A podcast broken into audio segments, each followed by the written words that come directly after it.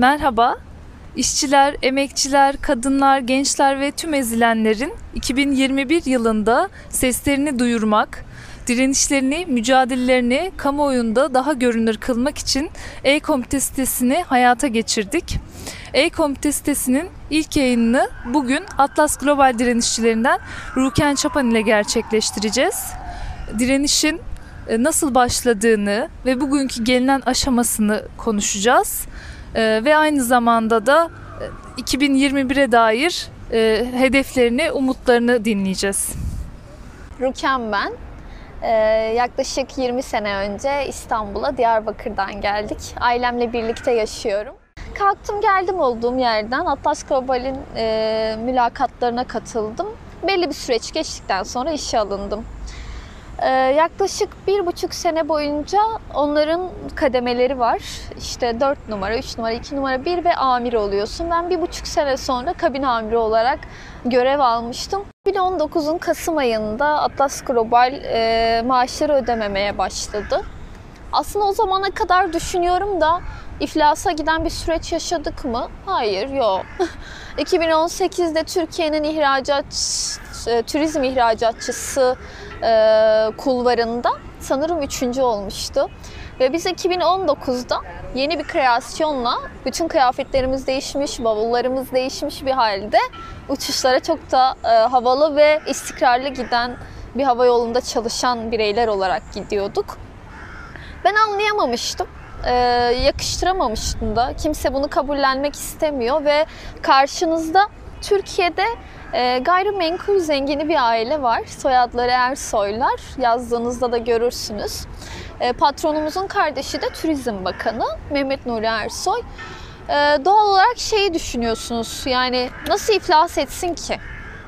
Kendisi de zaten bütün toplantılarında şunu söylüyordu. Yani e, ben sizi mal varlığımla zaten ihya ederim. Bu şirket batmaz. Sadece bir nakit akışı sıkıntım var diyordu. Biz de çalışanlar olarak bir ay, iki ay, üç ay bunu sürdürdük. Patronumuza güvendik. Patronumuzun mal varlığına güvendik. Patronumuzun kardeşine güvendik. Hep bir güvenle 3-3,5 ay boyunca devam ettik. Ya bizi bıraksan belki 6 ay devam edeceğiz. Yani o kadar sadız ve o kadar güveniyoruz. Çünkü öyle bir aileden bahsediyorum ki burada herhangi bir esnaf değil ki kepengi kapatsın gitsin. Yani koskocaman havayolu şirketi. İnanamıyorsunuz. Ve patronunuz size asla şey demiyor. Biz kötü gidiyoruz, çok kötüyüz demiyor. Çünkü önden zaten kendini hazırlayan ve iflası tek başına karar vermiş. İşçiyi resmen kandırırım. Maaşlarını da vermem. Birden kapıyı kapatsam ne olur ki deyip bizi 14 Şubat'ta 2020 2020'nin evet 14 Şubat'ında uçuşa gönderdi ya. Biz uçuşa gittiğimizde havalimanına bir gittik ki e, basın açıklaması falan dönüyor internetlerde. Bilet satış kontarlarımız kapanıyor. Yokuz artık falan diyorlar. Yolcular isyanda. Biz neye uğradığımızı şaşırdık. Arkamıza baka baka yani evimize geri döndük. İflas sürecimizi anlamam benim herhalde bir ay iki ay falan sürmüştü ya. Şey gibi geliyordu hayal gibi. Tekrar başlarız. Şaka olmalı falan. Çünkü bir ara uçuşları durdurdu tekrar başladı.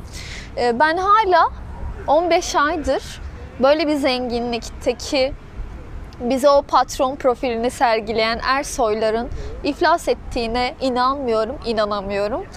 Ee, maalesef, maalesef e, sadece Türkiye'de mi bilmiyorum ama ülkemde yaşadığım için tanık olduğum şey şu. Ee, her patron bütün altyapısını yaptıktan sonra anayasada öyle bir e, şey tasarlanmış ki her şeyi kılıfına göre uydurup iflas edebiliyor. Olan biz işçilere oldu. Olan işçilerin hayallerine oldu. Olan işçilerin emeklerine oldu, ailelerine oldu, çocuklarına oldu, geleceklerine oldu. Benim geleceğimi, hayallerimi e, maddi manevi zarara uğrattılar. Keşke bize söyleseydi. Keşke bizim maaşlarımızı verseydi. Emin olun işçiler zaten o firmayı ayağa kaldırabilecek kabiliyette ve zihniyette insanlardı.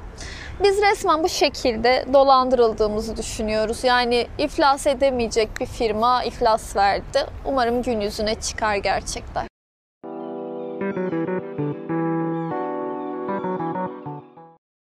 İflastan hemen sonra biliyorsun ki Şubat ayında iflas verilmişti ve Türkiye pandemiyle Mart ayında karşılaştı.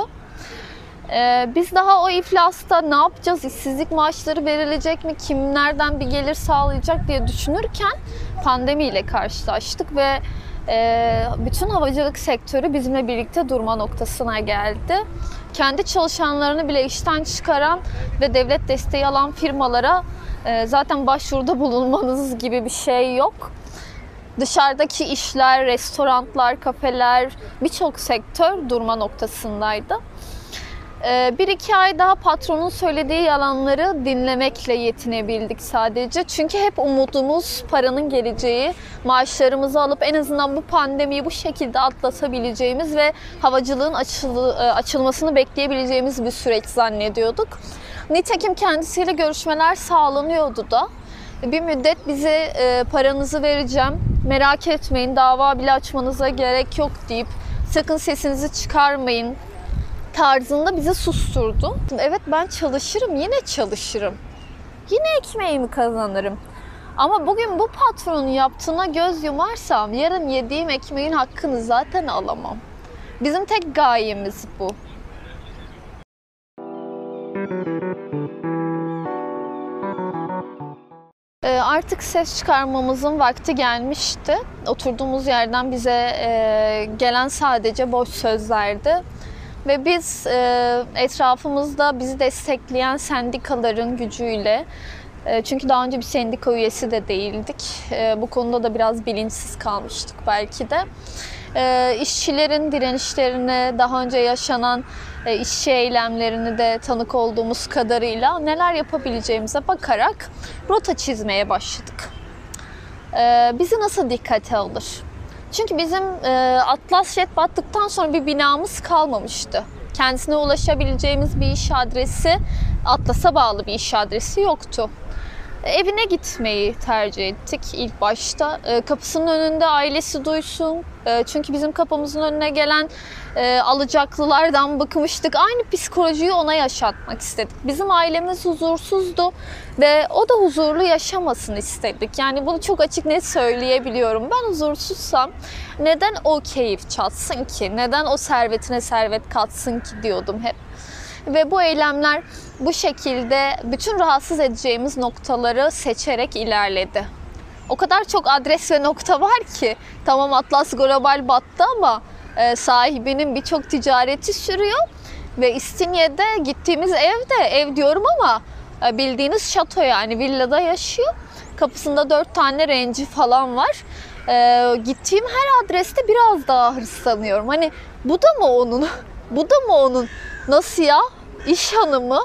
Nasıl bir ticaret bu diyorsun?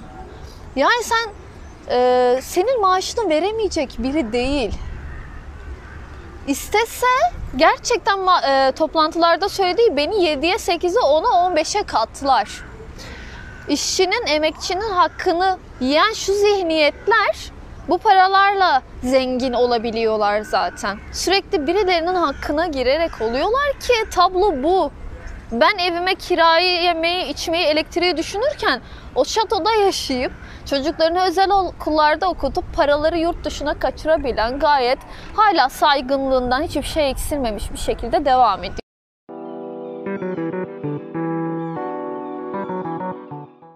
Turizm Bakanı kendisinin ikiz kardeşi. Şimdi biz niye Turizm Bakanı'na gitmeyelim? Kardeşi bizi muhatap almıyor. Kendisi de bu ülkede e, saygınlığı olan bir insan bizi dikkate alacaktır diyerek ETS turun önüne gittik. Zaten daha önce de ortaklıkları vardı. Yani hem Atlas Jet'le sanırım e, hem de ETS'nin zaten Atlas'la işbirliği vardı. Siz olsanız gitmez misiniz? Yani hem ticareti sürüyor hem aynı babanın çocukları aynı gayrimenkul ve ortaklıkları var. Biri vermezse diğeri diğeri daha e, insancıl yaklaşabilir dedik. Neticede Turizm Bakanı ve ben bu Türkiye Cumhuriyeti'nde yaşayan bir vatandaşım. ETS turun önüne bir gittik, iki gittik, basın açıklaması yaptık. Kendisinden yine bir geri dönüş alamadık. Artık dedik ki e, bunlar bizi ancak bir yerde kalıcı ve istikrarlı ilerlersek ciddiye alacaklar. ETS turun önünde bir oturma eylemi gerçekleştirdik. Polis müdahalesi e, ne rağmen oturmayı başarabildik. Sonra e, malum kış ayları ve direncimizin güçlülüğü için simgesel e, çadırlar vardır bilirsiniz direniş yerlerinde. E, bir çadır bulup orada kazandığımız yerde dirayetimizi korumamız gerektiğini düşündük. Hemen bir çadır ayarladık. Her şey o an gelişti. E, doğru noktadaydık.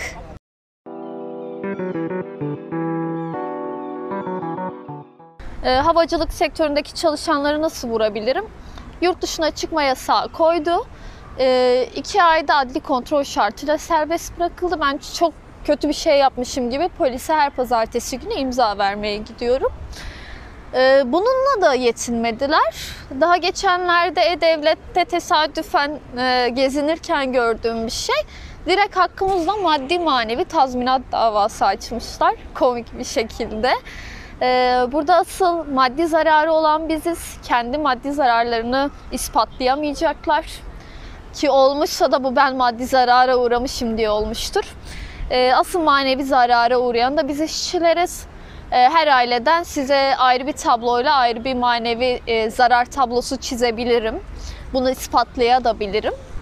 Kendileri e, paralı, paralarının ve diğer güçlerinin arkasına sığınarak yine şov yaptılar ne yazık ki işçilere. Bizi bu şekilde susturabileceklerini sanıyorlar. Ama biz bu yola baş koyduk. E, biz bu emeğimizin karşılığında tekrar emek vererek paramıza ulaşmaya çalıştığımız şu 15 aylık emeği çöpe atmayacağız. E, iş artık tabii ki maddi boyutu çok önemli ama e, uğruna savaş verdiğimiz değerlerimizi bir kenara atıp e, bu korkutmalara ne yazık ki e, onların istediği gibi arkamızı dönüp gitmeyeceğiz. Yolumuza devam ediyoruz. Bizden bir şey eksilmedi. E, eksilen taraf kendileri. Her yaptıkları hamle utanç verici. E, işçiye karşı barikat kurup e, gözaltına aldırıp mesleki saldırılarla, maddi manevi davalarla set çekemeyecekler. İşçinin e, derdini dinleyip gerek Çalışma Bakanı, Ulaştırma Bakanı, Turizm Bakanı ve muhatap patronlar oturup orta yolu bulana kadar, hakkımızı bize verene kadar, bizi adam yerine koyana kadar bu savaşımız sürecek.